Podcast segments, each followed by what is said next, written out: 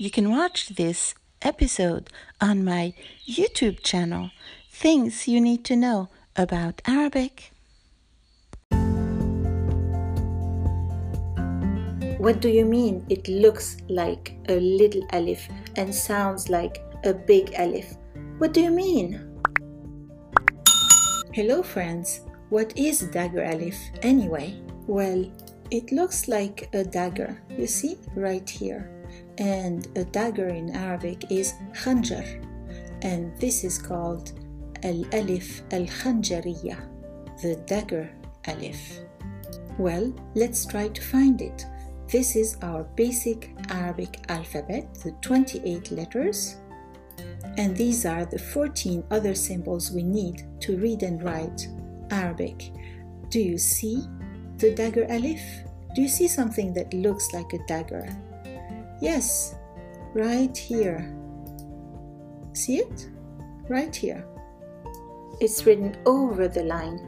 Dagger alif is a symbol that is exceptionally written instead of a regular alif.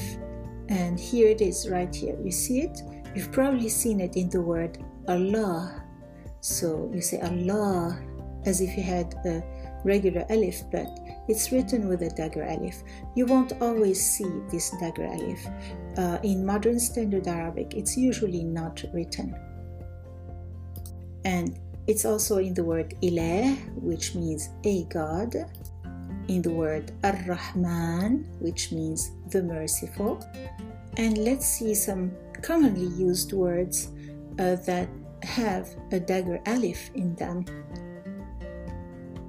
هذا which means this in the masculine هذه which means this in the feminine ذلك which means that in the masculine هؤلاء which means these in the masculine and feminine هكذا which means thus and لكن which means but do you know other words that take dagger alif. Let me know.